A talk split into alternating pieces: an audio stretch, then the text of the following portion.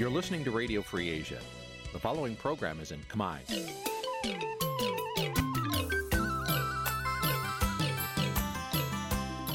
នេះជាកម្មវិធីផ្សាយ Vuthu Azizi Serai នេះជាកម្មវិធីផ្សាយរបស់ Vuthu Azizi Serai ជាភាសាខ្មែរ Vuthu Azizi Serai សូមស្វាគមន៍លោកអ្នកនាងទាំងអស់ពីរដ្ឋធានី Washington នៃសហរដ្ឋអាមេរិក ចាប់ពីរដ្ឋធានី Washington នាងខ្ញុំម៉ៃសុធានីសូមជម្រាបសួរលោកអ្នកស្ដាប់ទាំងអស់ជាទីមេត្រីចាយើងខ្ញុំសូមជូនការផ្សាយសម្រាប់ព្រឹកថ្ងៃពុធ10រោចខែមករាឆ្នាំឆ្លូវត្រីស័កពុទ្ធសករាជ2565ហើយដល់ត្រូវនៅថ្ងៃទី29ខែធ្នូគ្រិស្តសករាជ2021ជាដំបូងនេះសូមអញ្ជើញលោកអ្នកនាងកញ្ញាស្ដាប់ព័ត៌មានប្រចាំថ្ងៃដែលមានមេត្តាដូចតទៅ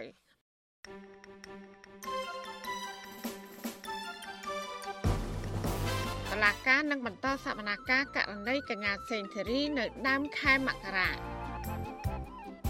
កម្ពុជារំពឹងនឹងនាំចេញអង្គក្រអូបការឡើងទៅលក់ទីផ្សារអឺរ៉ុបឡើងវិញក្រោយគណៈកម្មការអឺរ៉ុបបញ្ចប់វិធានការរក្សាការពារត្រឹមថ្ងៃទី18ខែមករាយុទ្ធនាការ1ដុល្លារដើម្បីឆ្នាំញញឹមដំរីដើម្បីសង្គ្រោះសត្វដំរីដែលជួបបញ្ហាខ្វះស្បៀងអាហារក្នុងអំឡុងពេលវិបត្តិ COVID-19 មេរោគ COVID-19 បំផ្លែងថ្មីអូមីក្រុងនៅចុងឆ្នាំ2021ធ្វើឲ្យពិភពលោកព្រួយបារម្ភសារជាថ្មី រួមនឹងព័ត៌មានផ្សេងផ្សេងមួយចំនួនទៀតចាជាបន្តទៅទៀតនេះនាងខ្ញុំម៉ៃសុធានីសូមជូនព័ត៌មានទាំងនោះពឺស្ដាប់ លោកនានីជាទីមេត្រីរដ្ឋមន្ត្រីក្រសួងអប់រំថ្លែងប្រាប់អ្នកសារព័ត៌មានក្រោយពីសិស្សប្រឡងបាក់ឌុបបានបញ្ចប់ការពីរុស្ស៊ីថ្ងៃទី28ខែធ្នូម្សិលមិញថាដំណើរការប្រឡងបាក់ឌុបរយៈពេល2ថ្ងៃមកនេះគឺល្អប្រសើរចាលោកហងជួននរុនរដ្ឋមន្ត្រីក្រសួងអប់រំមានប្រសាសន៍ថាជំងឺ Covid-19 មិនមែនជាឧបសគ្គសម្រាប់សិស្សានុសិស្សប្រឡងបាក់ឌុបទុតិយភូមិឆ្នាំនេះនោះឡើយ។ លោកក៏បានបញ្ជាក់ថាការប្រឡងនេះដំណើរការរលូនហើយមានដណ្ដាប់ធ្នាប់និងពុំមានការលួចចម្លងវិញ្ញាសានៅក្នុងបន្ទប់ប្រឡងនោះឡើយបាទជារួមនៅតាមមណ្ឌលប្រឡងយើងឃើញថាសិស្សមិនបាននាំយកនៅឯកសារចូលមកមណ្ឌលឡើយបាទមិនបាននាំយកនៅសំណើឯកសារហើយសិស្សសានុសិស្សគឺបានខិតខំប្រឹងប្រែងបាទរៀនបន្ថែមដើម្បីអាចប្រឡងទៅតាមសមត្ថភាពរៀងៗខ្លួន អនុលោមទៅតាមពាក្យស្លោករបស់ក្រសួងគឺអ្នកចេះគឺជាប់ហើយយើងឃើញថាក្រសួងសូមវិតម្លៃខ្ពស់ចំពោះសន្និសិទទាំងអស់ទោះបីជាក្នុងសម័យកាលកូវីដហើយទោះបីជាការរៀនមានភាពរអាក់រអួលក៏ប៉ុន្តែសិស្សានុសិស្សរបស់យើងគឺបានបង្ហាញពីការបដិញ្ញាចិត្តខ្ពស់នៅក្នុងការគោរពទៅតាមច្បាប់និងតាមគោលការណ៍ប្រឡងដែលជាពិសេសគឺបទបញ្ញត្តិដែលក្រសួងបានដាក់ចេញហើយយើងមិនបានឃើញមាននៅបទិភូតអវិជ្ជមានណាមួយ ដែលបានកើតឡើងនោះឡើយការប្រឡងបាក់ឌុបនៅឆ្នាំនេះគឺមានបេក្ខជនចុះឈ្មោះសរុបជាង1សែននាក់ដែលចែកចេញជា204មណ្ឌលនិងមានបន្ទប់ប្រឡងជាង4160បន្ទប់បន្ទប់ប្រឡងនីមួយៗមានសិស្សប្រឡងចំនួន25នាក់បេក្ខជនទាំងអស់ត្រូវវាស់កម្ដៅមុនចូលប្រឡង និងរក្សាគម្លាតសុវត្ថិភាពតាមការណែនាំរបស់ក្រសួងសុខាភិបាល នៅថ្ងៃប្រឡងសញ្ញាបត្រទុតិយភូមិនេះក្រៅពីមានមន្ត្រីនគរបាលនិងកងរាជអាវុធហត្ថប្រចាំការការពារសវត្ថិភាព នៅតាមមណ្ឌលនីមួយៗនោះគឺមានសមាជិកសហភាពសហព័ន្ធយុវជនកម្ពុជារបស់លោកហ៊ុនម៉ាណីកូនប្រុសរបស់លោកនាយករដ្ឋមន្ត្រីហ៊ុនសែនក៏បានចុះទៅពិនិត្យច្រើនជាងមន្ត្រីរាជការមកពីស្ថាប័នផ្សេងផ្សេង តកតងបញ្ហានេះប្រធានសមាគមគ្រូបង្រៀនកម្ពុជាឯករាជ្យអ្នកស្រីអុកឆាយាវីមានប្រសាសន៍ថាសមាជិកសហភាពសហព័ន្ធយុវជនកម្ពុជា បានចុះទៅពិនិត្យសិស្សប្រឡងនេះមិនមែនជារូបភាពល្អឡើយអ្នកស្រីបញ្ជាក់ថានេះជារូបភាពមិនឯករាជ្យដោយសារតែក្រសួងអប់រំហាក់ស្ថិតក្រោមឥទ្ធិពលនៃបកពួកនយោបាយ ការរៀបចំប្រឡងសញ្ញាបត្រទុតិយភូមិរយៈពេល2ថ្ងៃ គឺចាប់ពីថ្ងៃទី27និង28ខែធ្នូឆ្នាំ2021រដ្ឋមន្ត្រីក្រសួងអប់រំលោកហងជួននរុនអះអាង ថាលទ្ធផលប្រឡងនឹងប្រកាសមុនគេសម្រាប់មណ្ឌលប្រឡងនៅភ្នំពេញ និងនៅខេត្តកណ្ដាលគឺនៅថ្ងៃទី18ខែមករាហើយនៅថ្ងៃទី19មករាឆ្នាំ2022នឹងប្រកាសលទ្ធផលទូទាំងប្រទេស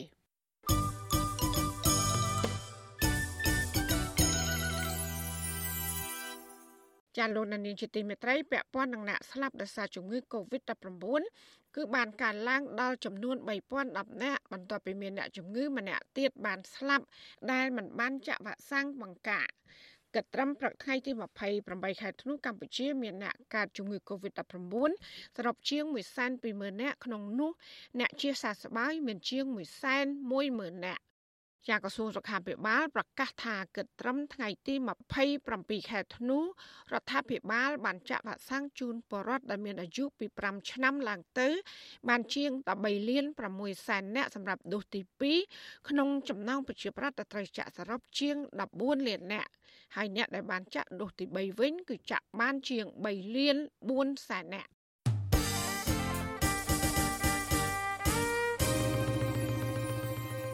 ចាលោកនាងកញ្ញាកំពុងស្ដាប់ការផ្សាយរបស់វិទ្យុអាស៊ីស្រីផ្សាយចេញពីរដ្ឋធានី Washington ពិភពលោកទាំងមូលជួបវិបត្តិផ្ទួនផ្ទួនដោយសារតែជំងឺ Covid-19 ប្រភេទបំផ្លែងថ្មីប្លែកប្លែកចាចុងក្រោយនេះនៅមុនដាច់ឆ្នាំ2021មេរោគបំផ្លែងថ្មីមួយទៀតឈ្មោះអូមីក្រុងកំពុងតែធ្វើឲ្យពិភពលោកកាន់តែព្រួយបារម្ភព្រោះវាឆ្លងលឿននិងគ្មានវ៉ាក់សាំងណាអាចបង្ការវាបាននៅឡើយ។ តើមេរោគបំផ្លែងថ្មីនេះគួរឲ្យពិភពលោកព្រួយបារម្ភខ្លាំងប៉ុណ្ណាបើធៀបនឹងមេរោគបំផ្លែងថ្មីមុនមុនសូមលោកអ្នកនាងកញ្ញារងចាំស្ដាប់សេចក្តីរាយការណ៍ពិស្ដារជំវិញរឿងនេះនាពេលបន្តិចទៀតនេះចាសសូមអរគុណ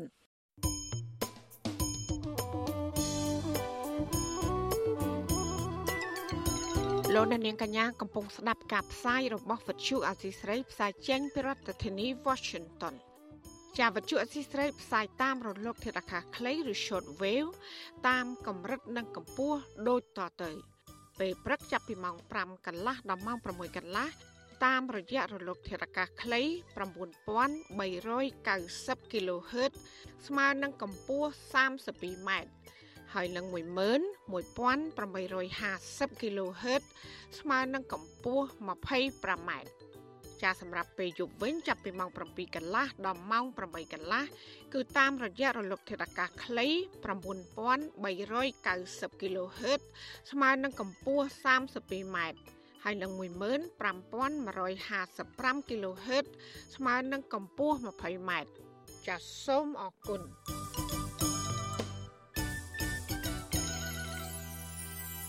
ចាលោកនានីជាទីមេត្រីសាលាដំបងរាជធានីភ្នំពេញ ក្រុងបន្តសវនកម្មករណីកញ្ញាសេងធីរីនៅសប្តាហ៍ក្រោយ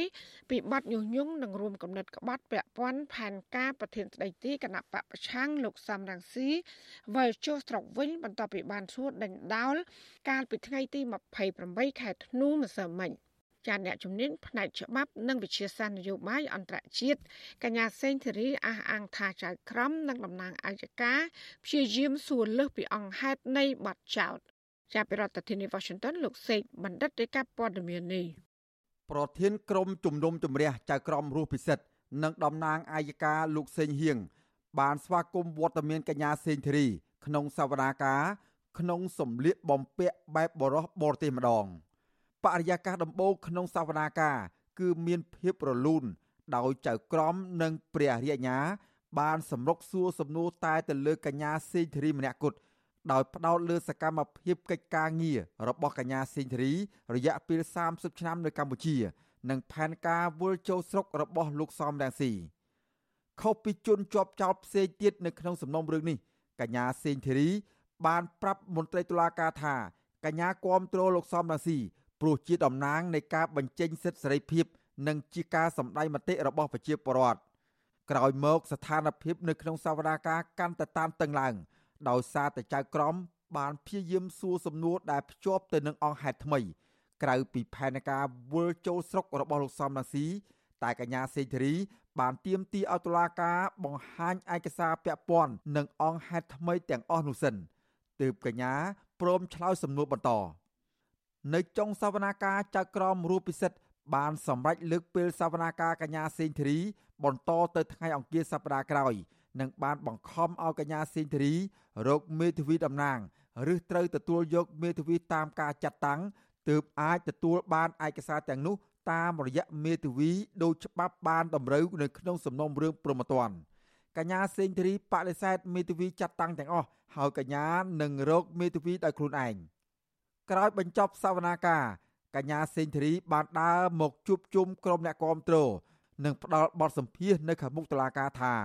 សវនាការនៅតែបន្តក្នុងទម្រង់ឆាកលខោននយោបាយដដែលតែយ៉ាងណាកញ្ញាតាំងចិត្តថានឹងចូលរួមរាល់សវនាការនេះព្រោះកញ្ញាយល់ថា ជាឱកាសល្អសម្រាប់កញ្ញាអាចធ្វើការងារមួយ ដែលពេញចិត្តយូរមកហើយ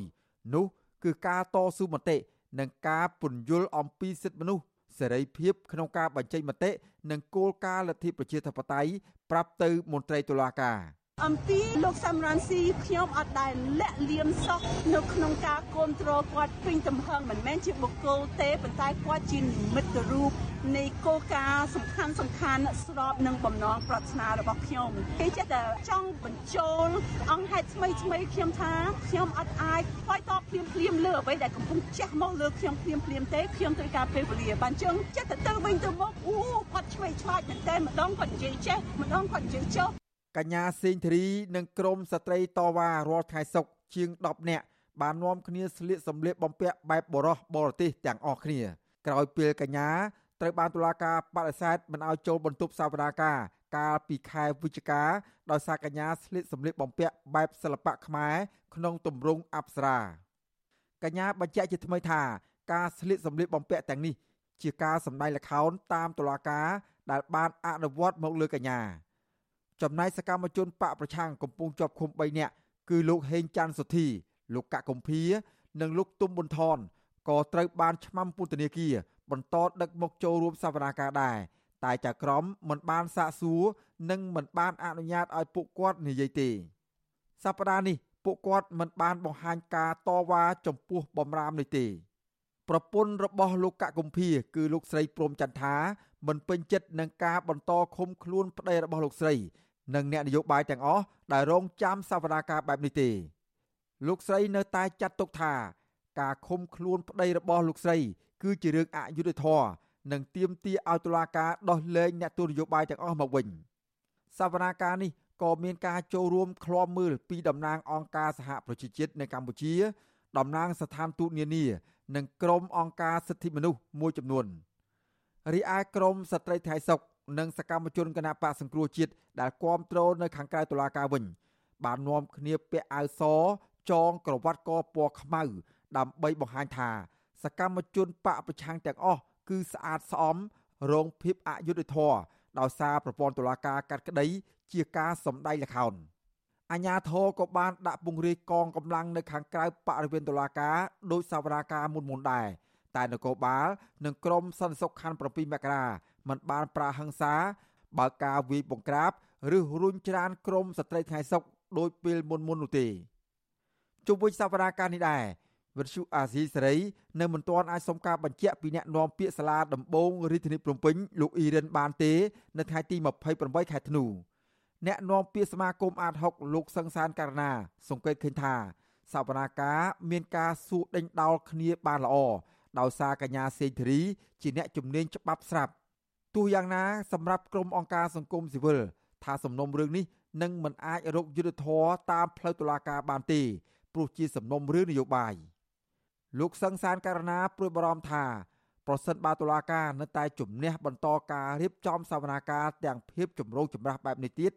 កិត្យានុភាពរបស់ប្រព័ន្ធតុលាការនឹងកាន់តែធ្លាក់ចុះហើយរងការរិះគន់កាន់តែខ្លាំងថែមទៀតលោកលើកទឹកចិត្តឲ្យមានការដោះស្រាយវិវាទនេះ តាមផ្លូវនយោបាយវិញអង្គការសង្គមស៊ីវិលយើងយល់ថាសំណុំរឿងនេះនឹងអាចបញ្ចប់ទៅបានលុះត្រាតែស្ថានភាពនៃនយោបាយហ្នឹងវិលមកភាពល្អប្រសើរដែលអាចគួរជាទីទុកចិត្តបានពីសហគមន៍ជាតិនិងអន្តរជាតិហើយចំណុចទាំងអស់ហ្នឹងនឹងអាចមានភាពបញ្ចប់ហើយសំណុំរឿងហ្នឹងក៏ទុកចោលដោយដែលសំណុំរឿងនយោបាយមុនមុនដែលយើងកត់ស្គាល់តុលាការក្រុងភ្នំពេញបានបំបែកសវនាការបត់ញុះញង់ឲ្យមានភាពវឹកវរធ្ងន់ធ្ងរដល់សង្គម និងរួមគំនិតក្បត់លើសកម្មជនចំនួន42នាក់ជា7សវនាការសំណុំរឿងនេះតុលាការចោទពួកគេថាមានជាប់ពាក់ព័ន្ធនឹងព្រឹត្តិការណ៍គម្រោងមាតុភូមិនិវត្ត9វិច្ឆិកាឆ្នាំ2019របស់លោកសំរងស៊ីប៉ុន្តែតុលាការនិងរដ្ឋាភិបាលនៅតែបន្តបិទផ្លូវលោកសំរងស៊ីនិងក្រុមមេដឹកនាំគណៈបកសង្គ្រោះជាតិមិនឲ្យមកបំភ្លឺនៅក្នុងតុលាការនោះទេ តុលាការគ្រូបើកសវនាការជារៀងរាល់ថ្ងៃប្រហោះជាបន្តបន្ទាប់ទៀតរហូតដល់ថ្ងៃ7ខែមករាឆ្នាំ2022ខ្ញុំបាទសេកបណ្ឌិតវិទ្យុអាស៊ីសេរីពីរដ្ឋធានីវ៉ាស៊ីនតោន ចាលោកអ្នកស្ដាប់យុតិមេត្រីមន្ត្រីគណៈបកសង្គ្រោះជាតិប្រចាំក្រុងសួងខេត្តត្បូងឃ្មុំ គឺលោកអ៊ុំយេតអាយុ68ឆ្នាំត្រូវបានអាជ្ញាធរដោះលែងឲ្យមានសេរីភាពឡើងវិញកាលពីរសៀលថ្ងៃទី28ខែធ្នូក្រោយដែលលោកបានអនុវត្តទោសពន្ធនាគារចប់រយៈពេល1ឆ្នាំគត់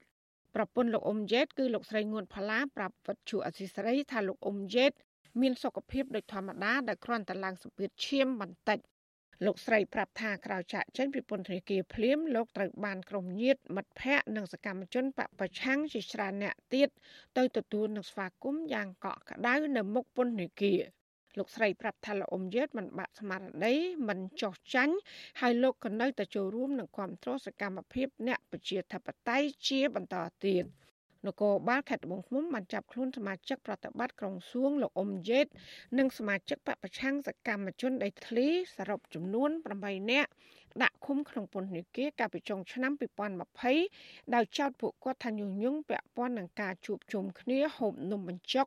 រងចាំទទួលមាតុភូមិនិវត្តរបស់ប្រធានត្រីទីគណៈបកប្រឆាំងលោកសំរងស៊ី ក្នុងបទចោទនេះមានជនជាប់ចោទសរុប14នាក់តែនគរបាលចាប់8នាក់ឯអ្នកផ្សេងទៀតកំពុងរត់គេចខ្លួនក្នុងសំណុំរឿងដដែលនេះនៅសាសកម្មជន3នាក់ទៀតកំពុងជាប់ឃុំក្នុងពន្ធនាគារខេត្តត្បូងឃ្មុំ គឺលោកស្រីតូនខន លោកប្រៅច័ន្ទធឿននិងលោកម៉ាក់សំអាន អ្នកទាំងនោះនឹងត្រូវដោះលែងក្នុងពេលឆាប់ៗខាងមុខ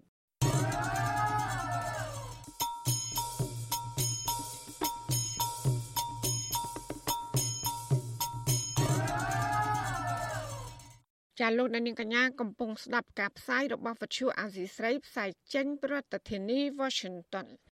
ក្រុមអ្នកសិទ្ធិមនុស្សជាតិអន្តរជាតិអ្នកវិភាគនយោបាយនិងអ្នកសកម្មការងារសង្គមមើលឃើញថាសិទ្ធិចូលរួមនយោបាយរបស់ប្រជាពលរដ្ឋធ្លាក់ដុនដាបកាន់តែខ្លាំងនៅក្នុងឆ្នាំ2021ពួកគេលើកឡើងថាសំបីតែប្រសង់ក៏ត្រូវចាត់ទុកជាគោលដៅក្នុងការធ្វើទុកបុកម្នេញដោយសារតែការអនុវត្តសិទ្ធិសេរីភាពដែលធានាដោយច្បាប់ ពីសំណាក់អាជ្ញាធររដ្ឋាភិបាលឯកបៈចាសសេចក្តីរាយការណ៍ពុស្ដាអំពីរឿងនេះលោកដានៀងក៏នឹងបានស្ដាប់នាពេលបន្តិចទៀតនេះចាសសូមអរគុណ thank you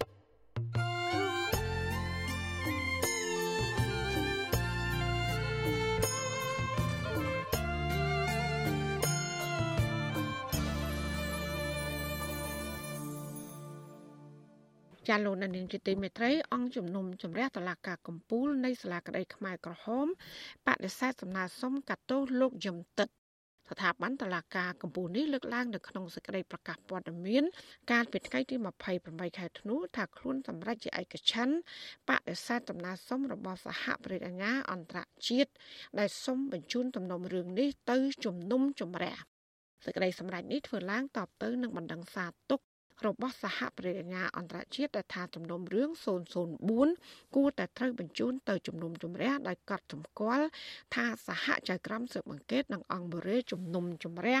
មិនបានចេញទៅការបញ្ជូនរឿងលោកយឹមតិតទៅជំនុំជម្រះដោយអនុលោមតាមវិធានផ្ទៃក្នុងរបស់សាលាក្តីខ្មែរក្រហម ប៉ុន្តែអង្គជំនុំជម្រះតឡាការកម្ពុជាលើកឡើងថាសំណុំរឿងលោកយឹមតិតត្រូវបានបញ្ចប់ដោយគ្មាននៃការបញ្ជូនទៅជំនុំជម្រះស្ថាពរករណីលោកយឹមតិតនេះក៏មិនខុសពីករណីរបស់លោកមៀមុតអតីតមេបញ្ជាការយោធាខ្មែរក្រហមម្នាក់ទៀតនោះឡើយព្រះអញ្ញានឹងចៅក្រមស៊ើបអង្កេតជាតិខ្វែងយោបល់គ្នាជាមួយព្រះអញ្ញានឹងចៅក្រមស៊ើបអង្កេតអន្តរជាតិនៅគ្រប់ដំណាក់កាល ខាងភិគីជាតិថាសាលាក្តីខ្មែរក្រហមគ្មានយុទ្ធាធិការឬក៏ដែនសមត្ថកិច្ចក្នុងការជំនុំជម្រះក្តីលោកយឹមតិតនោះទេ ពីព្រោះគាត់មិនមែនជាមេដឹកនាំជាន់ខ្ពស់ឬក៏ជាអ្នកទទួលខុសត្រូវខ្ពស់បំផុតនៃរបបខ្មែរក្រហមប៉ុន្តែខាងភិគីអន្តរជាតិវិញប្រកាន់ជំហរថាមានផតាំងគ្រប់គ្រាន់ដែលអាចបញ្ជាក់ថាលោកយឹមតិតពិតជាបានប្រព្រឹត្តអក្រិតកម្មធ្ងន់ធ្ងរដែលត្រូវផ្ដន្ទាទោស ដោយសារមូលហេតុនេះហើយទើបសហចៅក្រមស៊ើបអង្កេតជាតិនិងអន្តរជាតិមិនបានយល់ស្របជាមួយគ្នាហើយនាំគ្នាចេញដីកាមួយម្នាក់ទោះស្ថិតក្នុងស្ថាប័នស៊ើបអង្កេតតែមួយខាងភាគីជាតិឲ្យទម្លាក់ការចោទប្រកាន់ស្របពេលដែលខាងភាគីអន្តរជាតិឲ្យបញ្ជូនទំនុំរឿងទៅជំនុំជម្រះចៅក្រមអង្គបរិយាជំនុំជម្រះក៏ខ្វែងយោបល់គ្នានេះទៀត ពួកគាត់ក៏បានចេញសេចក្តីសម្រេចមួយដែលធ្វើឲ្យសហប្រតិញ្ញាអន្តរជាតិមិនអស់ចិត្តទៅប្តឹងសារទុកប៉ុន្តែសេចក្តីសម្រេចរបស់តុលាការកំពូល គឺជាសេចក្តីសម្រេចចុងក្រោយបិទផ្លូវតវ៉ា ចាលោកនានីជាទីមេត្រីពាក់ព័ន្ធនឹងគម្រោងសាងសង់ប្រលានយន្តហោះថ្មីរបស់ក្រុមហ៊ុន OCIC អ្នកភូមិកំពង់តាឡុងប្រមាណ50នាក់បាននាំគ្នាស្វែងរកកិច្ចអន្តរាគមន៍ពីរដ្ឋមន្ត្រីក្រសួងមហាផ្ទៃទៅសារពួកគាត់នៅមិនទាន់បានទទួលដំណោះស្រាយសមរម្យនៅឡើយប៉ុន្តែការព្យាយាមស្វែងរកដំណោះស្រាយរបស់បរដ្ឋនេះត្រូវបានកម្លាំងសមត្ថកិច្ចហាមឃាត់ចាប់ពីរដ្ឋធានី Washington លោកសនច័ន្ទរដ្ឋារាយការណ៍អំពីរឿងនេះ អ្នកភូមិកំពង់តឡុងប្រមាណ50នាក់នាំគ្នាធ្វើដំណើរទៅជួបរដ្ឋមន្ត្រីក្រសួងមហាផ្ទៃលោកសខេងដើម្បីឲ្យលោកជួយដោះស្រាយវិវាទដីធ្លីជាមួយក្រុមហ៊ុន OCAC នៅពេលដែលពួកគាត់ដឹងថារដ្ឋមន្ត្រីរំនេះធ្វើដំណើរទៅសម្ពោធដាក់ប្រាប្រាមជ្ឈមណ្ឌលយុវនីតិសម្បទានៅឃុំបាគូស្រុកកណ្ដាលស្ទឹងខេត្តកដាលនៅថ្ងៃទី28ខែធ្នូក៏ប៉ុន្តែសកម្មភាពរបស់បុរដ្ឋនេះត្រូវបានកងកម្លាំងសមត្ថកិច្ចឃាត់នៅត្រង់ចំណុចប្រែកស្លែងមិនឲ្យបន្តដំណើរទៅដល់ទីកន្លែងនោះទេ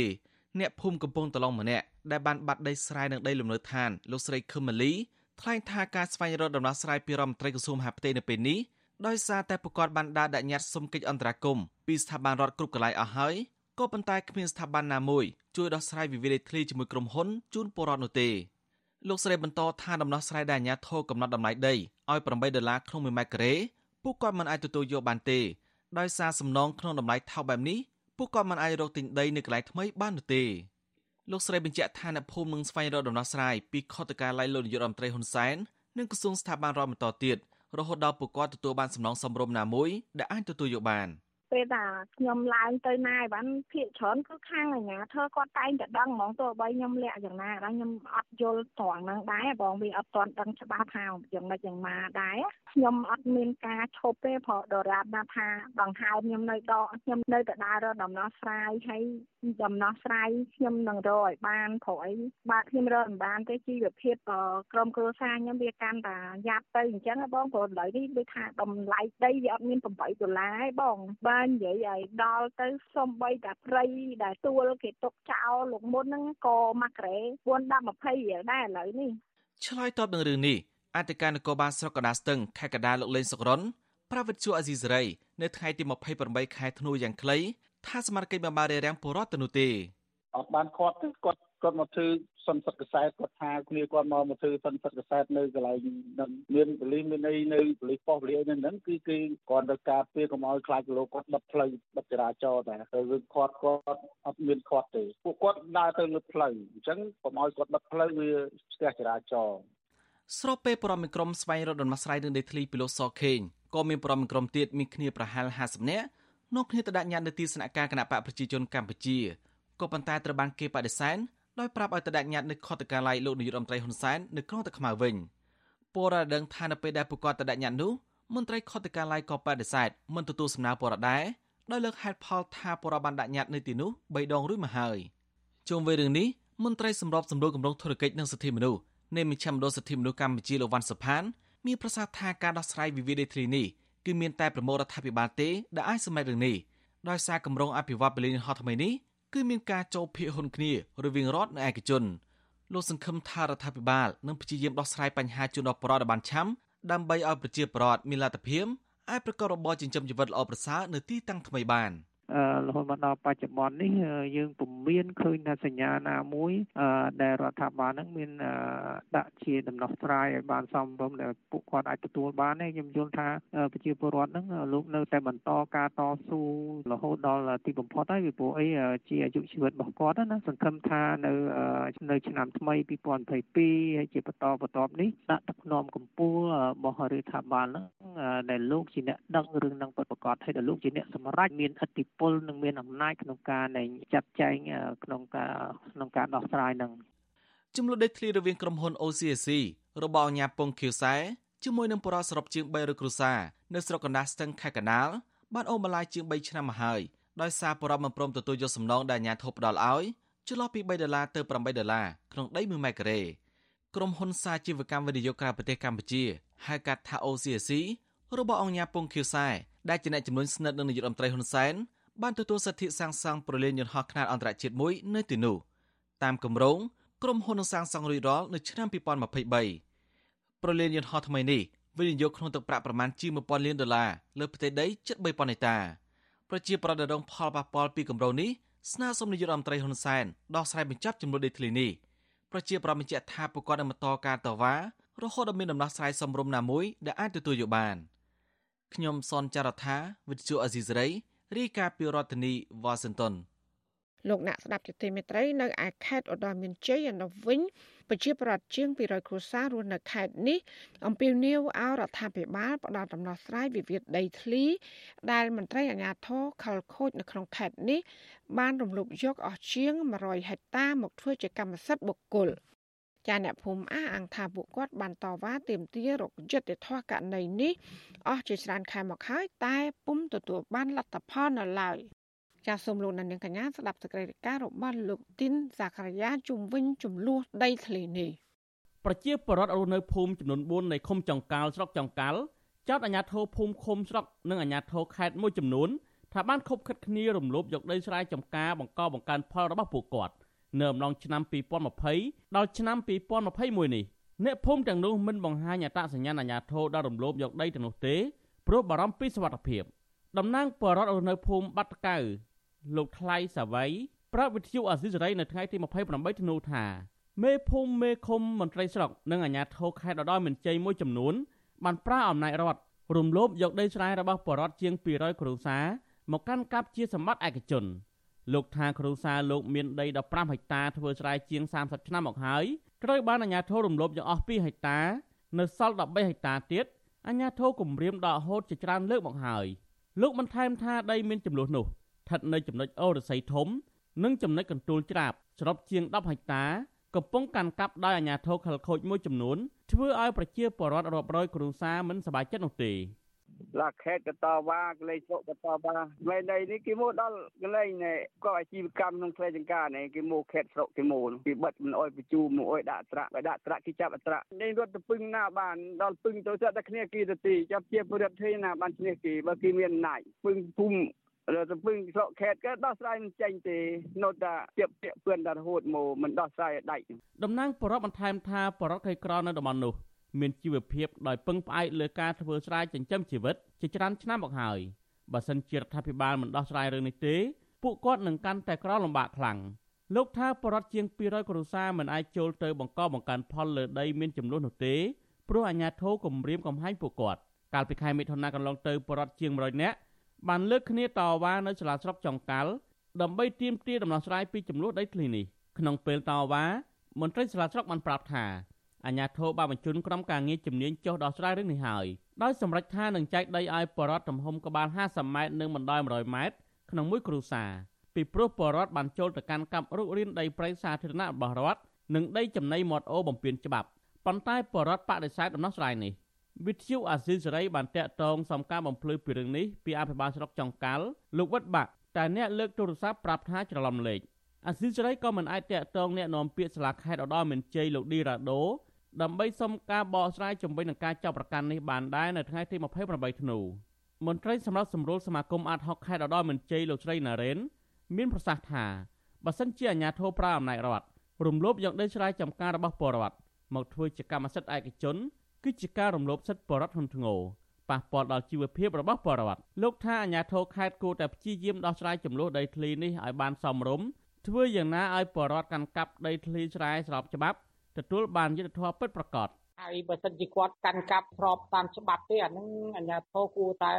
ផ្ដល់ឱកាសនឹងឲ្យជីវរដ្ឋអាស្រ័យផលតទៅទៀតទៅអញ្ចឹងណាកុំឲ្យទៅធ្វើបាបពួកគាត់ព្រោះគាត់ជីវជីវរដ្ឋហ្នឹងគាត់គាត់នៅមករស់មករស់ទេគាត់អត់មានចង់មានចង់បាននេះបន្តទៅទៀតទេព្រោះដីគាត់សម្រាប់គាត់មកគ្រួសារ3 4 5ហិកតាហ្នឹងគឺมันអាចយកទៅធ្វើជាអ្នកមានអ្នកបានតែទេមន្ត្រីសង្គមស៊ីវិលរូបនេះបន្ថែមថាកន្លងទៅអាជ្ញាធរខេត្តស្រុកនិងអាជ្ញាធរឃុំ បានចុះទៅសម្របសម្រួលដោះស្រាយជាមួយបរិវត្តជាច្រើនលើកអាជ្ញាធរបានចោទថាបរដ្ឋបានទៅកាប់រៀនដីព្រៃនិងដីចំណីមាត់អូខុសច្បាប់ព្រោះដីនៅតំបន់នោះភាគច្រើនជាដីព្រៃសាធារណៈរបស់រដ្ឋអ្នកភូមិថាបើសិនជាអាជ្ញាធររដ្ឋដកហូតដីរបស់ពួកគាត់ដើម្បីបម្រើផលប្រយោជន៍ជាតិពួកគាត់នឹងឯកភាពប្រកុលជូនប៉ុន្តែការពិតពុំដូច្នោះទេគឺអាញាធររំលោភយកមកធ្វើជាកម្មសិទ្ធិខ្លួនឯងទៅវិញខ្ញុំទីនសាការីយ៉ាអសិសរីប្រធានីវ៉ាស៊ីនតោន ចាលោកនានីជាទីមេត្រីកម្ពុជារំពឹងថាបរិមាណនាំចេញអង្ករក្រអូបកើនឡើង ទៅលក់នៅទីផ្សារអឺរ៉ុបឡើងវិញក្រោយដែលគណៈកម្មការអឺរ៉ុបនឹងបិទបញ្ចប់វិធានការការពារត្រឹមថ្ងៃទី18ខែមករាឆ្នាំ2022ខាងមុខអគ្គលេខាធិការសហព័ន្ធត្រូវអង្គកម្ពុជាលោកលុនយេងមានប្រសាសន៍ប្រាប់បទជអសីស្រីកាលពីយប់ថ្ងៃទី28ខែធ្នូ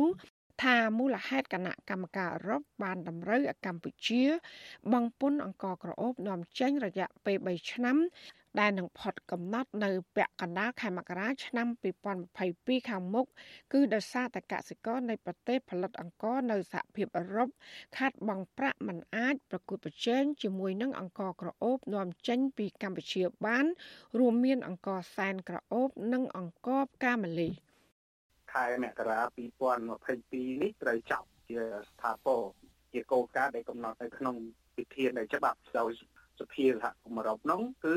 បើសិនតែគាត់ត្រូវការបន្តគាត់នឹងធ្វើការ6ខែមុនទាក់ទងទៅលើវិធានការរក្សាការពារដែលឬក៏ safe guard measurement ដែលខាងស្គីសហគមន៍អឺរ៉ុបបានដាក់មកលើកកម្ពុជានិងភូមាយោងតាមពាក្យបណ្ដឹង របស់ប្រជាកសិករនៅសហគមន៍អឺរ៉ុបនៅក្នុងនោះវាមានអ៊ីតាលីមានអីជាដើមហ្នឹងគឺគាត់បានប្តឹងថាការដែលគាត់ជាកសិករដាំដុះហ្នឹងគឺឲ្យការគាត់លក់ប្រកួតប្រជែងជាមួយកងកម្ពុជានឹងដោយពិបាកធ្វើឲ្យគាត់ខាតបង់ច្រើន វិធានការរក្សាការពាររបស់គណៈកម្មការអឺរ៉ុបដែលតម្រូវឲ្យកម្ពុជា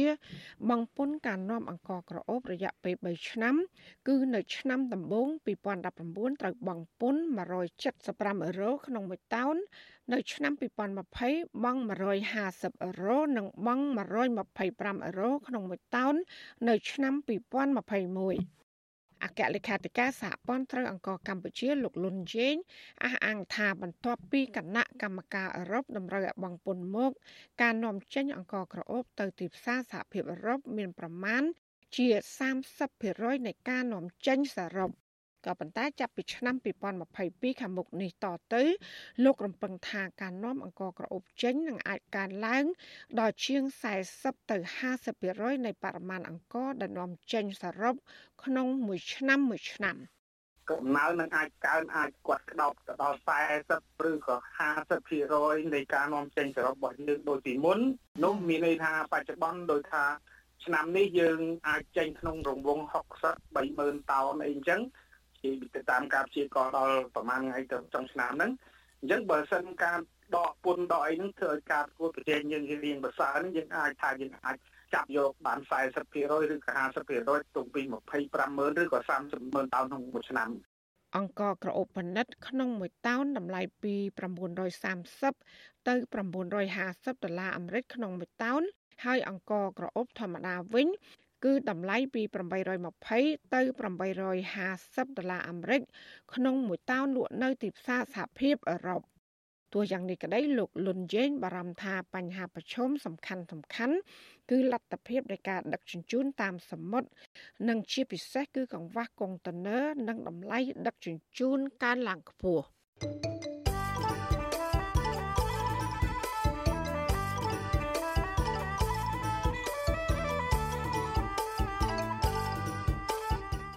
ចាលោកនានីជាទីមេត្រីយុទ្ធនាការ1ដុល្លារដើម្បីស្នាមញញឹមដំរី មានអ្នកចូលរួមបរិច្ចាគថវិកាប្រមាណ1000នាក់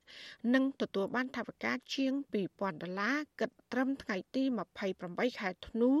ឆ្នាំ2021 យុទ្ធនាការនេះបង្កើតឡើងដោយក្រុមនិស្សិតឆ្នាំទី4ចំនួន7នាក់ដើម្បីប្រមូលថវិកាជួយដល់អ្នកភូមិហើយនិងសត្វដំរីចំនួន13ក្បាលនៅតំបន់អភិរក្សសត្វដំរីនៅភ្នំគូលែនដែលប្រឈមបញ្ហាខ្វះខាតស្បៀងអាហារដោយសារតែវិបត្តិ COVID-19 ចាសមាជិកម្នាក់នៃក្រុមនិស្សិត គឺយុវជនសាមរង60ស្រុនបានឲ្យវិទ្យុអសីស្រីដឹងថាតំបន់អភិរក្សសត្វដំរីនៅភ្នំគូលែន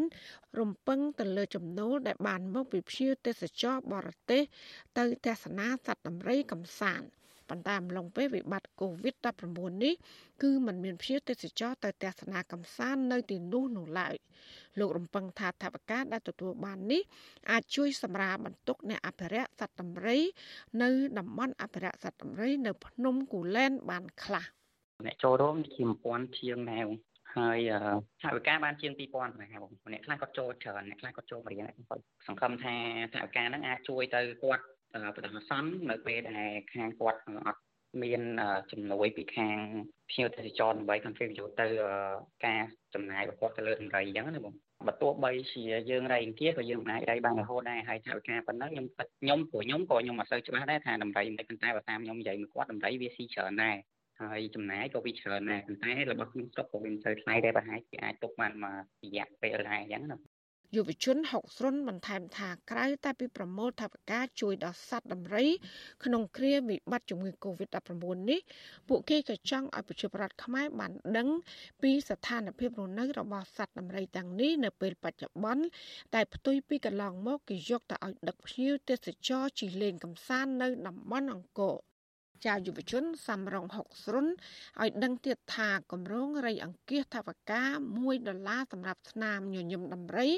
នឹងបញ្ចប់នៅថ្ងៃទី9ខែមករាឆ្នាំ2022ក្រុមយុវជននឹងយកថវិកាដែលទទួលបានទាំងអស់ប្រគល់ជូនដល់ក្រុមអ្នកអភិរក្សសត្វដំរី និងប្រគល់សម្ភារៈមួយចំនួនជូនដល់អ្នកភូមិប្រមាណជា30នាក់ផងដែរ។ ចាលោកនាងជាទីមេត្រីក្នុងឱកាសនេះដែរនាងខ្ញុំសូមថ្លែងអំណរគុណដល់លោកនាងកញ្ញាដែលតែងតែមានភក្ដីភាព ចំពោះការផ្សាយរបស់យើង ហើយចាត់ទុកការស្ដាប់វិទ្យុអសីស្រីជាផ្នែកមួយនៃសកម្មភាពប្រចាំថ្ងៃរបស់លោកអ្នកចាការគ្រប់គ្រងរបស់លោកនាងនេះហើយដែលធ្វើយើងខ្ញុំ មានទឹកចិត្តកាន់តែខ្លាំងបន្ថែមទៀតក្នុងការស្វែងរក និងផ្តល់ព័ត៌មាន សម្រាប់ជូនលោកនាង។ ចាំមានអ្នកស្ដាប់និងអ្នកទស្សនាកាន់តែច្រើនកាន់តែធ្វើឲ្យយើងខ្ញុំ មានភាពស្វាហាប់មោះមុតជាបន្តទៀតចាយើងខ្ញុំសូមអរគុណទុកជាមុនហើយក៏សូមអញ្ជើញលោកដានៀងកញ្ញាចូលរួមជំរុញសកម្មភាពផ្តល់ព័ត៌មានរបស់យើងនេះឲ្យកាន់តែបានជោគជ័យបន្ថែមទៀត។ចាលោកណានៀងអាចជួយយើងខ្ញុំបានដោយគ្រាន់តែចុច ចែករំលែកឬ share ការផ្សាយរបស់យើងខ្ញុំនៅលើបណ្ដាញសង្គម Facebook និង YouTube ទៅកាន់មិត្តភ័ក្តិរបស់លោកណានៀងដើម្បីឲ្យការផ្សាយរបស់យើង បានទៅដល់មនុស្សកាន់តែច្រើនចាសសូមអរគុណចាលោកអ្នកស្ដាប់ទទីមេត្រីពិភពលោកទាំងមូលជួបវិបត្តិផ្ទួនផ្ទួនដោយសារតែជំងឺ Covid-19 ប្រភេទបំផ្លែងថ្មីប្លែកៗ ចុងក្រោយនេះនៅមុនដាច់ឆ្នាំ2021មេរោគបំផ្លាញថ្មីមួយទៀតឈ្មោះអូមីក្រុងកំពុងតែធ្វើឲ្យពិភពលោកកាន់តែព្រួយបារម្ភដោយសារតែវាឆ្លងលឿននិងគ្មានវ៉ាក់សាំងណាអាចបង្ការបានទាំងស្រុងនៅឡើយតើមេរោគបំផ្លាញថ្មីនេះគួរឲ្យពិភពលោកព្រួយបារម្ភខ្លាំងប៉ុណ្ណា បើប្រៀបធៀបទៅនឹងមេរោគបំផ្លាញថ្មីមុនមុនចាសសូមលោកនាងកញ្ញាស្ដាប់សេចក្តីរាយការណ៍ពិស្ដាររបស់លោកមួងនរ៉េតជំវិញបញ្ហានេះ ត្រឹមតែរយៈពេលជាង30ថ្ងៃប៉ុណ្ណោះ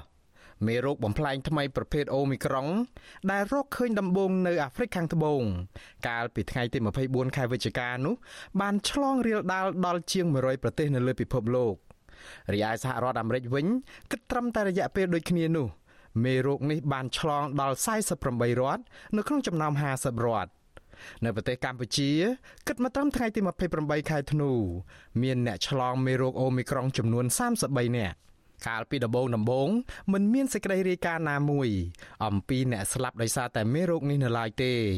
ក៏ប៉ុន្តែពីសប្តាហ៍ចុងក្រោយនេះករណីអ្នកស្លាប់ដោយសារតែមេរោគនេះកើតមានជាបន្តបន្ទាប់នៅប្រទេសអង់គ្លេសសហរដ្ឋអាមេរិក និងប្រទេសអូស្ត្រាលី ភាពឆ្លងលឿនខ្លាំងនៃមេរោគបំផ្លាញថ្មីនេះធ្វើឲ្យមន្ត្រីវិទ្យាសាស្ត្រភ្ញាក់ផ្អើលនិងព្រួយបារម្ភអសតការីខ្មែរអូស្ត្រាលីលោកលឹមសួរថ្លែងនៅក្នុងកម្មវិធីផ្សាយរបស់វិទ្យុអាស៊ីសេរីកាលពីថ្ងៃទី23ខែធ្នូថាអូមីក្រុង ឆ្លងលឿនហួសពីការស្មាន និងគ្មានវ៉ាក់សាំងណាអាចបង្ការមេរោគនេះបាននៅឡើយទេ អូមីក្រុននេះវាឆ្លងលឿនមែនទែនដោយសារតែវាប្រែកន្លែងខ្លួនក្នុងរយៈពេលពេលខ្លីនៅអាហ្វ្រិកម្ល៉េះហើយវាកម្លាយខ្លួនលឿនមែនទែនក្នុងរយៈពេលខ្លីនេះគឺថាប្រហែលជា30 ply Omicron ថ្មីទៀតណាគេហៅ new variant ហ្នឹង30 ply ការឆ្លងហ្នឹងក៏វាលឿនលះដែរគឺលះដោយសារតែ gene របស់វាវាខុសពីអាមុនមុនហើយការឆ្លងដូចជាគាត់ដើរកាត់ហ្នឹងដូចយើងអ្នកជក់បរិយយើងគាត់ទៅធំក្លិនអ្នកជក់បរិយគឺយើងឆ្លងមកហើយ ហើយបើនិយាយពីខេត្ត New South Wales វិញគឺថាប្រមាណអាទិត្យមុនគឺតែតែ2 300អ្នកតិចតួចឯងឥឡូវនេះឡើងដល់5715អ្នកក្នុងថ្ងៃនេះអានឹងមានន័យថាមេរោគនឹងឆ្លងយ៉ាងលឿនដោយសារតែវ៉ាក់សាំងរបស់យើងគឺมันអាចទប់ទល់បាន ក្នុងឆ្នាំ2021មានមេរោគ COVID-19 បំផ្លែងថ្មី5ប្រភេទដែលធ្វើឲ្យពិភពលោកជួបវិបត្តិផ្ទួនផ្ទួន ដំបូងឡើយកាលពីដើមខែមករាមានមេរោគបំផ្លែងថ្មីប្រភេទហ្គាម៉ាដែលរកឃើញនៅប្រទេសប្រេស៊ីលនៅក្នុងរយៈពេលពេញមួយឆ្នាំនេះមេរោគនេះបានឆ្លងទៅដល់ជាង90ប្រទេសក្រោយមកទៀតនៅដើមខែមេសានិងឧសភាមានមេរោគបំផ្លែងថ្មីប្រភេទ Delta ដែលមានប្រភពនៅប្រទេសឥណ្ឌាមេរោគនេះឆ្លងលឿននិងសាហាវជាងមេរោគបំផ្លាញថ្មីប្រភេទ Gamma គ្រាន់តែក្នុងរយៈពេល4សប្តាហ៍ប៉ុណ្ណោះនៅក្នុងខែសីហាមេរោគនេះឆ្លងដល់65ប្រទេសរហូតមកដល់ពេលនេះប្រទេសជាង180មានអ្នកផ្ទុកមេរោគបំផ្លាញថ្មីប្រភេទ Delta នេះមេរោគនេះសម្លាប់មនុស្សរាប់សែននាក់ក៏ប៉ុន្តែនៅទីបំផុតវ៉ាក់សាំងរបស់សហរដ្ឋអាមេរិកនិងអង់គ្លេសអាចទប់ទល់នឹងវាបានវ៉ាក់សាំងរបស់សហរដ្ឋអាមេរិកនិងអង់គ្លេសក៏អាចទប់ទល់នឹងមេរោគបំផ្លាញថ្មីហ្គាម៉ាបានផងដែរ បន្ថែមលើមេរោគបំផ្លាញថ្មី Delta និង Gamma នេះនៅពាក់កណ្ដាលខែមិថុនាស្រាប់តែមេរោគបំផ្លាញថ្មីមួយមុខទៀតលេចរូបរាងឡើងមេរោគបំផ្លាញថ្មីនោះឈ្មោះថា Lambda ដែលមានប្រភពនៅប្រទេសប៉េរូមួយខែកន្លះក្រោយមក នៅចុងខែសីហាមេរោគបំផ្លាញថ្មីមួយមុខទៀតឈ្មោះថា Mu បានលេចឡើងដែរមេរោគនេះ មានប្រភពនៅប្រទេសកូឡុំប៊ី បើទោះបីជាយ៉ាងនេះក្តីអង្គការសុខភាពពិភពលោកឬក៏ WHO ចាត់ចំណាត់ថ្នាក់មេរោគទាំងពីរថ្មីនេះថាជាប្រភេទមេរោគគួរឲ្យចាប់អារម្មណ៍តែមិនគួរឲ្យព្រួយបារម្ភពេកនោះទេបើទោះបីជាមេរោគបំផ្លាញថ្មីបែងភាគបំបែកខ្លួនកាន់តែច្រើនយ៉ាងនេះក្តីនៅក្នុងឆ្នាំ2021អ្នកជំនាញវិទ្យាសាស្ត្រនិងឱសថសាស្ត្រល្បីៗនៅលើពិភពលោកបានរកឃើញវ៉ាក់សាំងជាច្រើនមុខដើម្បីទប់ទល់វា លើកលែងតែវ៉ាក់សាំងបង្ការមេរោគអូមីក្រុង ដែលរកមិនទាន់ឃើញនៅឡើយវ៉ាក់សាំងបង្ការជំងឺ Covid-19 ដែលអង្គការសុខភាពពិភពលោកទទួលស្គាល់ទាំងនោះរួមមាន Pfizer BioNTech របស់សហរដ្ឋអាមេរិកសហការគ្នាជាមួយនឹងក្រុមហ៊ុនអាល្លឺម៉ង់វ៉ាក់សាំងពីរមុខទៀតរបស់អាមេរិកគឺ Janssen ឬក៏ Johnson Johnson និង Moderna វ៉ាក់សាំង AstraZeneca របស់អង់គ្លេសវ៉ាក់សាំងចិន Sinovac និង Sinopharm និងវ៉ាក់សាំងឥណ្ឌាជាដើម។ នៅក្នុងពេលជាមួយគ្នានេះក្រុមហ៊ុនអាមេរិកកំពុងតែប្រណាំងប្រជែងគ្នាផលិតវ៉ាក់សាំងដើម្បីបង្ការមេរោគបំផ្លែងថ្មីប្រភេទអូមីក្រុងមុនដាច់ឆ្នាំ2021ក្រុមហ៊ុនអាមេរិក Pfizer បានរកឃើញនឹងផលិតថ្នាំគ្រាប់សម្រាប់លេបព្យាបាលជំងឺ Covid-19 ដែលមានប្រសិទ្ធភាពរហូតដល់ទៅជិត90%ដែលជួយកុំឲ្យអ្នកជំងឺឈឺធ្ងន់ឬក៏ស្លាប់។ បើទោះបីជាយ៉ាងនេះក្តីនៅក្នុងឆ្នាំ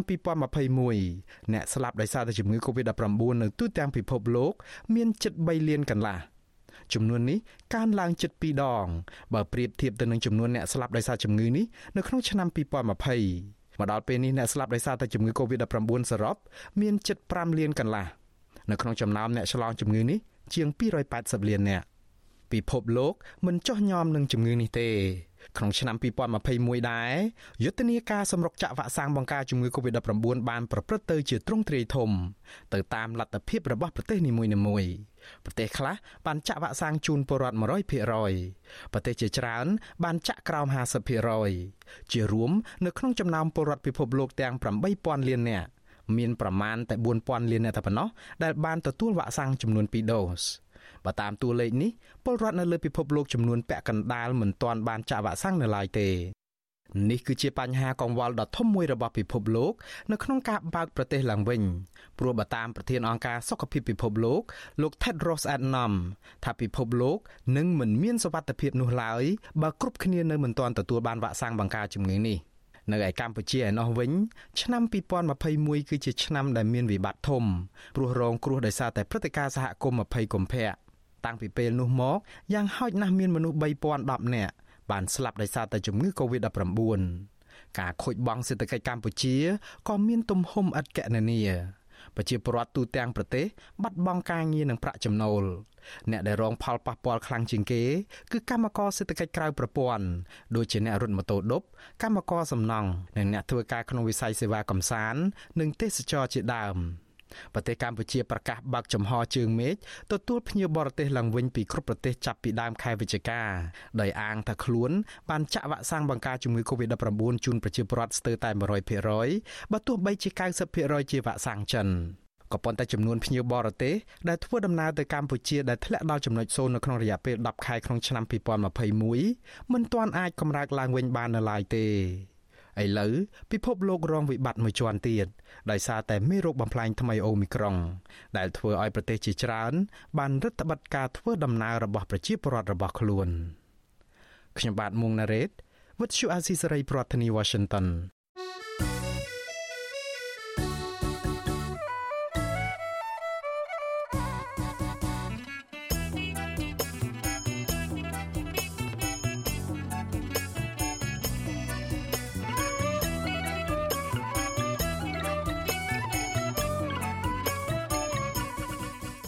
ចាលោកនាងជាទីមេត្រីក្នុងឆ្នាំ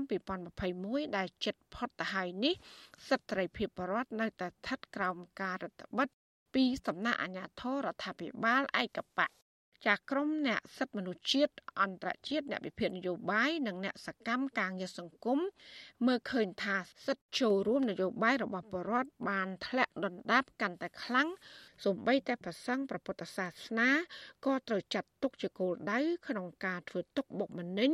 ដោយសារតែការអនុវត្តសិទ្ធិសេរីភាពដែលធានាដោយច្បាប់ចាអ្នកត្រីសុជីវីរាយការណ៍ពីស្ដារជំវិញស្ថានភាពនយោបាយនៅកម្ពុជា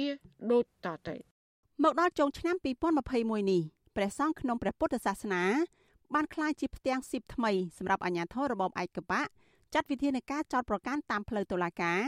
និងតាមចាប់ដាក់ពន្ធនាគារ ដោយសារតែការចូលរួមសកម្មភាពសង្គមការពីបរិស្ថាននិងនយោបាយប្រដេចប្រគុណបូបែតកំពុងភៀសប្រកាយនៅប្រទេសស្វីសព្រះអង្គមានថេរដីកាថាសកម្មជនសង្គមនិងនយោបាយដែលភៀសខ្លួនទៅដល់ក្រៅប្រទេសហើយក៏នៅតែត្រូវចាប់បញ្ជូនត្រឡប់ទៅឲ្យទទួលទោសនៅកម្ពុជាវិញប្រដេចព្រះគុណបន្តថាសម្រាប់ព្រះអង្គផ្ទាល់អាញាធរថៃ បានខាត់ព្រះកាយព្រះអង្គដោះស្បង់ចីវរបំណងចាប់បញ្ជូនទៅកម្ពុជាវិញដែរ គឺអាត្មាតែរិះគន់លោកនាយករដ្ឋមន្ត្រីហ៊ុនសែនថាតែការដឹកនាំរបស់លោកនាយករដ្ឋមន្ត្រីហ៊ុនសែនអាចធ្លាក់ដល់បន្ទាត់ក្រហមធ្វើឲ្យសង្គមកាន់តែអាក្រក់ទៅអាក្រក់ទៅបិទសិទ្ធិនយោបាយបិទសិទ្ធិពលរដ្ឋក្នុងការសម្រេចចិត្តធ្វើនយោបាយជាពិសេសគឺទៅទៅនឹងប្រសង់ចាប់ប្រសង់ដាក់ពន្ធនាគារផ្សឹកប្រសង់ពមៀនប្រសង់ចង់ឲ្យលោកនាយករដ្ឋមន្ត្រីហ៊ុនសែនដើរទៅរកបន្ទាត់មួយ ទៅតាមមីគីពុទ្ធសាសនាគឺធ្វើស្ដីល្អហ្នឹងក៏រដែរធ្វើតាមអវាទដែលប្រសង់បាទជួយណែនាំទេក៏បែរជាគាត់ថាយើងហ្នឹងជាអ្នករិះគន់គាត់វិញរហូតដល់គាត់ក៏បានប្តឹងទៅអាជ្ញាធរថៃអាជ្ញាធរថៃបានឲ្យចាប់ជួនអាត្មាហ្នឹងមកសុកខ្មែរវិញបងប្រដេចប្រគុណបូបែតមានប្រជជន35វស្សាបានបួសរៀនបម្រើព្រះពុទ្ធសាសនាតាំងពីប្រជជន13វស្សាជាកូនកសិករក្រីក្រនៅខេត្តកំពង់ធំក្នុងភូមិដាច់ស្រយាល ជាប់តំបន់ព្រៃឡង់និងធ្លាប់ឃើញការកាប់បំផ្លាញព្រៃឈើការខុបខិតគ្នារវាងអាជ្ញាធរមូលដ្ឋាននិងឈ្មួញបានជំរុញទឹកចិត្តព្រះសង្ឃអង្គនេះឲ្យឈឺឆ្អាលការងារការពារធនធានធម្មជាតិទាមទារយុត្តិធម៌សង្គមនិងសកម្មភាពនយោបាយនានាដោយរំពឹងថានឹងមានការផ្លាស់ប្ដូរដែលអាចធ្វើឲ្យជីវភាពរបស់ពលរដ្ឋនិងគ្រួសាររបស់ព្រះដេចគុណបានប្រសើរជាងពេលបច្ចុប្បន្ន ការចូលរួមតវ៉ាទាមទារឲ្យដោះលែងលោករងឈុនដែលជាប់ឃុំព្រោះរឿងឈឺឆ្អាលព្រំដែនបានคล้ายជាដើមចមដែលអាជ្ញាធរតាមចាប់ព្រះកាយព្រះអង្គប្រដេចប្រគុណបានកិច្ចព្រះកាយទៅប្រទេសថៃនិងទទួលបានសិទ្ធិជាជនភៀសខ្លួនទទួលស្គាល់ដោយទីភ្នាក់ងារអង្គការសហប្រជាជាតិទទួលបន្ទុកសិទ្ធិជនភៀសខ្លួន UNHCR មិនខុសគ្នានេះទេសកម្មជនគណៈបកសង្គ្រោះជាតិ4នាក់ត្រូវអាជ្ញាធរខ្មែរនិងថៃសហការគ្នា ចាប់បញ្ជូនទៅដាក់ពន្ធនាគារព្រៃសរក្នុងនោះរួមមាន លោកវឿនវាសនាហៅក្រញូងព្រៃឡង់លោកវឿងសំណាង លោកស្រីឡាញ់ថាវរី និងលោកមិចហៀងដែលអ្នកទាំងនោះជាជនភៀសខ្លួនទទួលស្គាល់ដោយ UNHCR រឿងរ៉ាវទាំងនេះកើតឡើងនៅពេលដែលក្រមប្រទេសនិយមប្រជាធិបតេយ្យនិងអង្គការសហប្រជាជាតិចង់ឃើញកម្ពុជាបើកចំហសិទ្ធិពលរដ្ឋនិងសិទ្ធិនយោបាយឡើងវិញ នៅមុនការបោះឆ្នោត កិច្ចពិភាក្សាប្រចាំឆ្នាំ2021ជាមួយអ្នករាយការណ៍ពិសេសរបស់អង្គការសហប្រជាជាតិលោកវិទិតមុនតបនកាលពីពេលថ្មីៗនេះតំណាងប្រទេសប្រជាធិបតេយ្យមានទាំងអឺរ៉ុបអាមេរិកនិងអូស្ត្រាលីបានលើកឡើងពីការរួមតូចនៃលំហប្រជាធិបតេយ្យនិងសង្គមស៊ីវិលការបង្ក្រាបមកលើគណៈបកប្រឆាំងការបង្កើនការឆ្លប់យកការតាមអនឡាញកង្វះប្រព័ន្ធផ្សព្វផ្សាយឯករាជ្យនិងការរឹតបន្តឹងមកលើសេរីភាពនៃការបញ្ចេញមតិ សេរីភាពនៃការជួបជុំនិងការប្រមូលផ្ដុំដោយសន្តិវិធីនៅកម្ពុជាពួកគេខ្វល់ខ្វាយពីការបន្តផ្ដន់ទាទោសលោកកឹមសុខា ដំណើរការសវនកម្មកាត់ក្តីមនុស្សទាំងវង និងការកាត់ទោសសមាជិកដទៃទៀតមកពីគណៈបកប្រឆាំងធំជាងគេព្រមទាំងការបន្តរដ្ឋបិទសកម្មភាពចូលរួមផ្នែកនយោបាយនៅមុនការបោះឆ្នោតនៅក្នុងឆ្នាំ2022និងឆ្នាំ2023ខាងមុខពួកគេជំរុញឲ្យអាជ្ញាធរកម្ពុជាបញ្ឈប់ការដាក់គោលដៅ កម្ចាត់ក្រុមមេដឹកនាំគណៈបកនយោបាយប្រឆាំងនិងបើកឲ្យគ្រប់ភាគីនយោបាយចូលរួមការបោះឆ្នោតដោយដែលមានធានានៅក្នុងរដ្ឋធម្មនុញ្ញនិងកិច្ចព្រមព្រៀងសន្តិភាពទីក្រុងប៉ារីយ៉ាងណាក៏ដោយលោកនាយករដ្ឋមន្ត្រីហ៊ុនសែននៅឆ្នាំ2021នេះលោកប្រកាសជាសាធារណៈដដែលដដែលថានឹងតាមកំចាត់ក្រុមប្រឆាំងដល់ជីវិតចុងក្រោយ អញ្ចឹងទុកឲ្យខ្ញុំលេងដើម្បីលេងជាមួយនឹងពួកអាជ្រុលនិយមការពារសន្តិភាពនេះខ្ញុំលេងយកឯងឲ្យជាប់សិនហើយដើម្បីខ្ញុំត្រួសត្រាយផ្លូវសម្រាប់ក្មេងចតក្រោយខ្ញុំដាក់កម្មវិធីចេញដំណើរចេញដំណើរបន្ទាប់ពីការបើកប្រទេសឡើងវិញទៅលើករណី COVID លោកហ៊ុនសែនថែមទាំងបានរៀបចំឲ្យកូនប្រុសគឺលោកហ៊ុនម៉ាណែតធ្វើជានាយករដ្ឋមន្ត្រីបន្តពីលោកដែលនាំឲ្យមានការរិះគន់ ថាលោកហ៊ុនសែនកំពុងតែនាំកម្ពុជាឲ្យក្លាយជាប្រទេសផ្ដាច់ការបែបតវងត្រកូលលើសពីនេះលោកហ៊ុនសែនក៏នៅតែអះអាងដែរថាមិនអោនក្បាលចំពោះការគៀបសង្កត់ពីបរទេសដែលលោកសម្ដៅដល់ក្រមប្រទេសប្រជាធិបតេយ្យនោះឡើយតម្លៃណាក៏ដោយហ៊ុនសែនមិនអាចអោនក្បាលទទួលយកការគៀបសង្កត់ណាមួយដែលនាំទៅដល់អស្ថិរភាពនិងបាត់សន្តិភាពរបស់ប្រទេសនេះហ៊ុនសែនសូមប្រកាសសារជាថ្មីម្ដងទៀតនៅស្រុកកំណើត របស់ខ្លួនទោះបីអស់បន្លាយនៃការបន្តអាណត្តិរបស់ខ្ញុំប្រមាណឆ្នាំតទៅទៀតស្រែងខ្វល់ចិត្តខ្ញុំគិតមកត្រឹមចុងឆ្នាំ2021នេះមានសកម្មជនសង្គមនិងសកម្មជនគណបកសង្គ្រោះជាតិជិត100នាក់ត្រូវបានចោទប្រកាន់និងចាប់ដាក់ពន្ធនាគារហើយអ្នកខ្លះត្រូវបានដោះលែងឲ្យនៅក្រៅឃុំបណ្ដោះអាសន្នប៉ុន្តែនៅជាប់ការត្រួតពិនិត្យតាមផ្លូវតុលាការជាមួយគ្នានេះមានមនុស្សជាង30នាក់ទៀតត្រូវជន់មិនស្គាល់មុខលួចវាយឲ្យរបួសធ្ងន់ធ្ងរ ប៉ុន្តែសមត្ថកិច្ចនៅមិនទាន់ចាប់ជនប្រព្រឹត្តទាំងនោះបាននៅឡើយទេចំណែកយុវជនគណបកសង្គ្រោះជាតិលោកស៊ិនខុនអាយុ31ឆ្នាំត្រូវសម្លាប់ដោយកាប់ជាច្រើនកំបិតកាលពីថ្ងៃទី21ខែវិច្ឆិកាដោយឡែកនៅមានអ្នកនយោបាយបកប្រឆាំងជាច្រើនអ្នកទៀតរួមទាំងលោកកឹមសុខាប្រធានគណបកនិងលោកសំរងស៊ីប្រធានស្ដីទីគណបកកំពុងជាប់បណ្ដឹងនៅតុលាការតុលាការក្រុងភ្នំពេញនៅតែបន្តកោះហៅមនុស្សទាំងវងទាំងវង ចូលសវនកម្មតាក់ទងនឹងការចោទប្រកាន់រួមគំនិតក្បត់និងញុះញង់តាក់ទងនឹងការគ្រប់គ្រងផែនការវិលជុលស្រុករបស់លោកសំរងស៊ីកាលពីឆ្នាំ2019ប៉ុន្តែបានផ្អាករយៈពេលជាង1ឆ្នាំមកហើយសវនកម្មកាលពីថ្ងៃទី7ខែធ្នូមានជនជាប់ចោទចំនួន42នាក់ក្នុងនោះមានទាំងលោកសំរងស៊ីលោកអេងឆៃអៀងនិងអ្នកស្រីមូសុកហួរជាដើមបើទោះជាក្រុមមេដឹកនាំនិងសកម្មជនដែលកំពុងនៅក្រៅប្រទេស អះអាងថាគេមានបំណងចូលទៅតតាំងក្តីនៅតុលាការកម្ពុជាក៏រដ្ឋាភិបាលបានប្រើគ្រប់វិធីដើម្បីរារាំងពួកគេតាមគម្រោងសវនកម្មនេះនឹងបន្តនៅថ្ងៃទី28ខែធ្នូដើម្បីបន្តសាកសួរជនជាប់ចោតបន្ថែមទៀតរួមទាំងកញ្ញាសេងធីរីខ្មែរអាមេរិកាំងដែលជាអ្នកច្បាប់និងជាអ្នកគាំទ្រគណៈបកសង្គ្រោះជាតិតកតទៅនឹងរឿងនេះអ្នកវិភាគនយោបាយដែលភៀសខ្លួននៅប្រទេសហ្វាំងឡង់លោកកឹមសុខមើលឃើញថា លោកហ៊ុនសែននឹងធ្វើតាមអ្វីដែលលោកបាននិយាយដដែលដដែលនោះគឺមិនបន្ធូរដៃដល់អ្នកនយោបាយបកប្រឆាំងណា ដែលមានឥទ្ធិពលឬមានកម្លាំងគ្រប់គ្រាន់គម្រាមកំហែងទៅដល់ការកាន់អំណាចនិងបន្តតំណែងតវងត្រកូលទៅឲ្យអ្នកចំនួនក្រោយរឿងទី1គាត់ខ្លួនឯងត្រូវឈរជើងឲ្យនឹងគឺលោកហ៊ុនសែននឹងរឿងទី2កុំឲ្យមានបរិយាកាសណាមួយដែលអាចទៅគម្រាមកំហែងផែនការផ្ទៃអំណាចពីគាត់ទៅកូនគាត់ពីព្រោះគាត់បារម្ភថាអាចមានឧបសគ្គ ពីគណៈបកប្រជាធិបតេយ្យផ្សេងផ្សេងទៅជាកម្លាំងដែលបង្កឲ្យផែនការរបស់គាត់ទៅជាវិនាសពីថ្ងៃនេះទៅលោកហ៊ុនសែនគ្មានយុទ្ធវិធីនយោបាយក្នុងការបន្ធូរដើម្បីស្ដារប្រជាធិបតេយ្យទេ មានតែតាក់ទិចបន្ធូរបន្តិចបន្តួចឲ្យយើងភ្លេចខ្លួនដើម្បីគាត់អនុវត្តផែនការអំណាចរបស់គាត់តែប៉ុណ្្នឹងទេ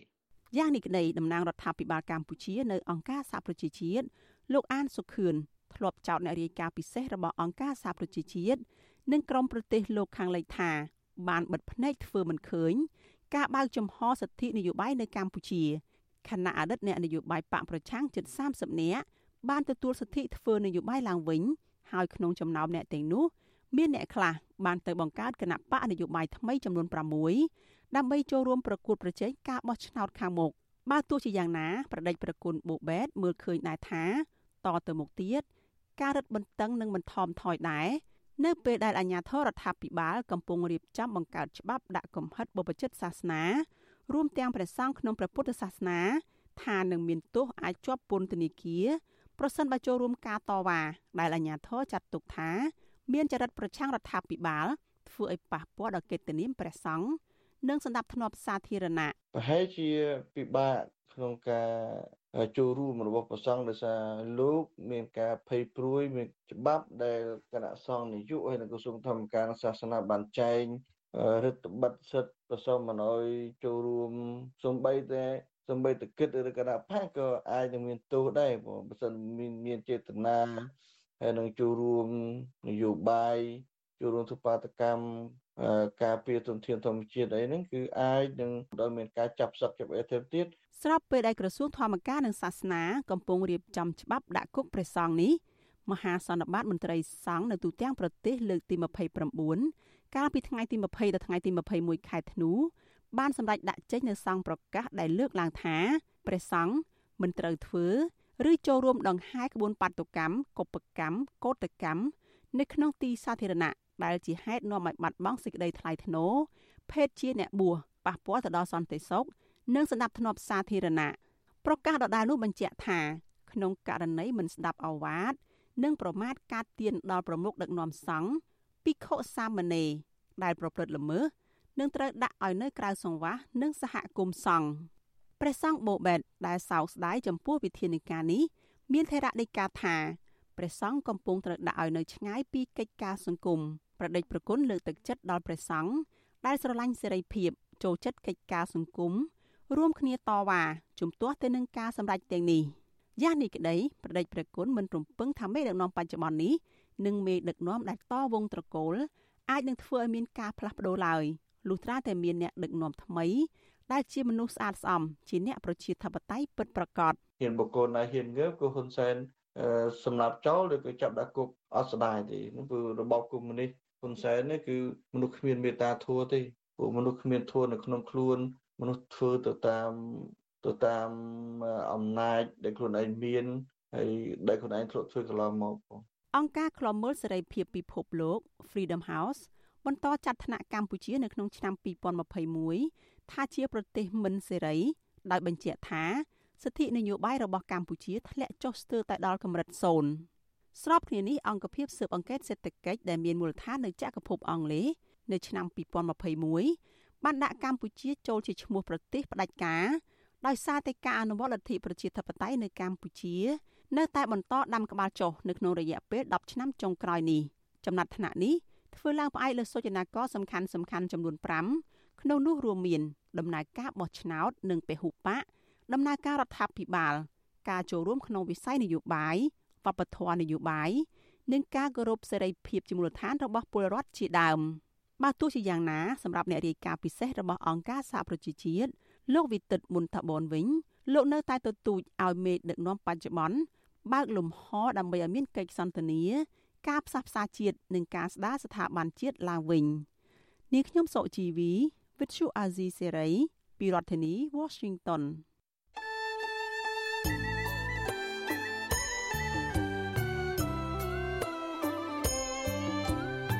ចាលោកនាងកញ្ញាអ្នកស្ដាប់យុតិមេត្រីកັບផ្សាយរយៈពេល1ម៉ោងនៃវិទ្យុអាស៊ីស្រីជាភាសាខ្មែរនៅពេលនេះចាប់តែប៉ុណ្ណេះ